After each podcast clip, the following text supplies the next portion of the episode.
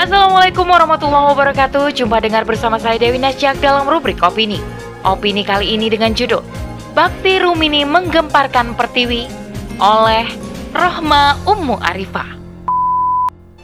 Sosok Uwais Al-Korni di masa Rasulullah serta kisah Rumini di masa sekarang tentu semakin menajamkan harapan dan cita sebagian besar orang tua untuk memiliki anak dan keturunan yang salih. Memahami betul bagaimana tugas dan kewajiban mereka untuk berbakti kepada orang tuanya. Selengkapnya, tetap di podcast Narasi Pos Media.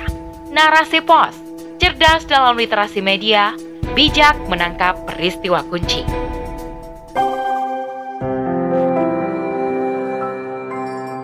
Erupsi Gunung Semeru yang terjadi awal bulan Desember ini masih saja menyisakan sejumlah kisah. Mulai dari penanganan dan pencarian korban yang tertimbun pasir, sampai pertanyaan mengenai bagaimana sistem mitigasi yang telah dijalankan di sana. Satu cerita menarik dan mengharukan yang menggemparkan negeri di balik peristiwa Semeru ini adalah sosok Rumini, seorang wanita yang ikut meninggal tertimbun pasir bersama dengan ibunya yang sudah tua renta. Inilah kisah Rumini. Kisah Rumini terungkap saat penemuan korban erupsi Semeru. Jasad Rumini ditemukan bersama dengan seorang wanita tua yang terkuak sebagai ibunya. Ibunda Rumini, yakni Bu Salamah, sudah berusia lanjut dan tak mampu berjalan.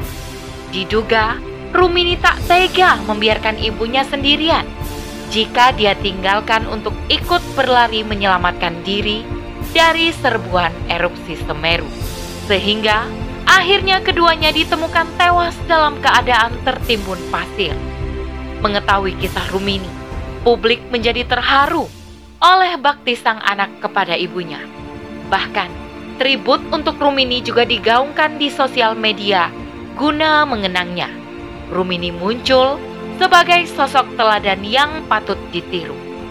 Publik mengagung-agungkan jasa dan bakti Rumini. Bisa saja dia pergi dari rumahnya. Bisa saja dia lari meninggalkan si ibu yang tua renta untuk menyelamatkan diri dan nyawanya.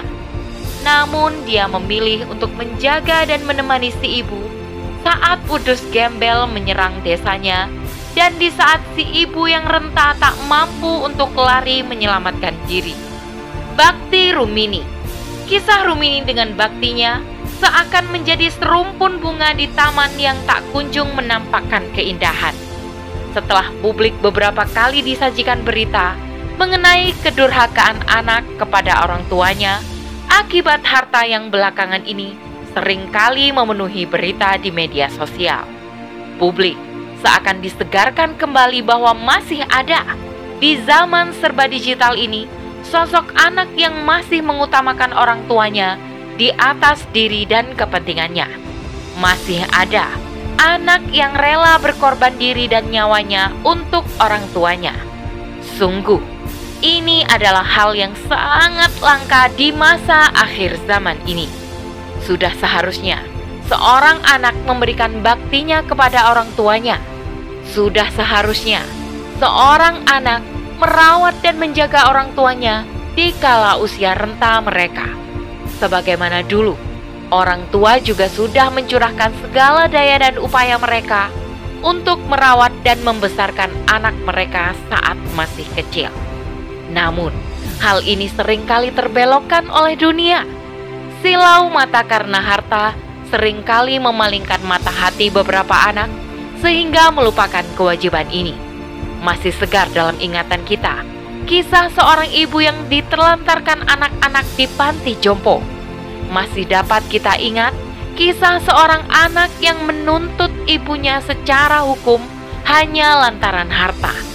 Kisah Rumini seakan mengembalikan ingatan kita bahwa seperti inilah seharusnya seorang anak. Seperti inilah Seharusnya bakti seorang anak kepada orang tuanya. Seperti inilah pengorbanan yang layak diberikan anak kepada orang tuanya. Cerita Rumini sungguh telah menggemparkan Pertiwi. Islam punya Uwais Al-Korni. Bisa jadi Kisah Rumini ini mengingatkan kita pada goresan sejarah Islam tentang bakti seorang anak kepada ibunya. Kisah tentang seorang anak yang rela untuk menggendong ibunya agar si ibu bisa melaksanakan haji ke Baitullah.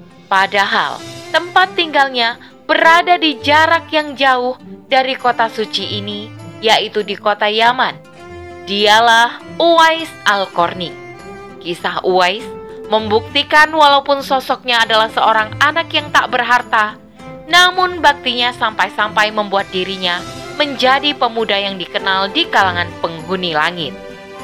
Sosok Uwais Al-Qarni di masa Rasulullah serta kisah Rumini di masa sekarang tentu semakin menajamkan harapan dan cita sebagian besar orang tua untuk memiliki anak dan keturunan yang salih. Memahami betul bagaimana tugas dan kewajiban mereka untuk berbakti kepada orang tuanya. Pemahaman ini tentu saja akan bisa diperoleh dengan pemahaman yang menyeluruh mengenai Islam dan syariatnya. Karena berbakti kepada orang tua merupakan satu bahasan mengenai kewajiban seorang hamba kepada manusia lainnya yang telah digariskan dalam hukum syara. Yang utama adalah penjagaan keimanan kepada Sang Pemberi kehidupan Hal ini harus dipahami dengan benar oleh setiap anak. Pengajaran ini juga sudah seharusnya diberikan dari orang tua kepada anaknya. Sebagaimana wasiat Lukman kepada anaknya yang diabadikan di dalam surat Lukman ayat 13 yang artinya berbunyi, Dan ingatlah ketika Lukman berkata kepada anaknya, ketika dia memberi pelajaran kepadanya, Wahai anakku, janganlah engkau mempersekutukan Allah. Sesungguhnya mempersekutukan Allah adalah benar-benar kezaliman yang besar.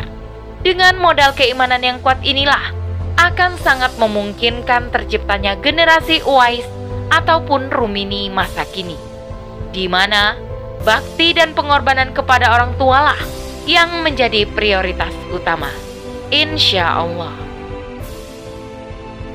Demikian rubrik opini kali ini. Sampai bertemu di rubrik opini selanjutnya. Saya Dewi Nasjak undur diri.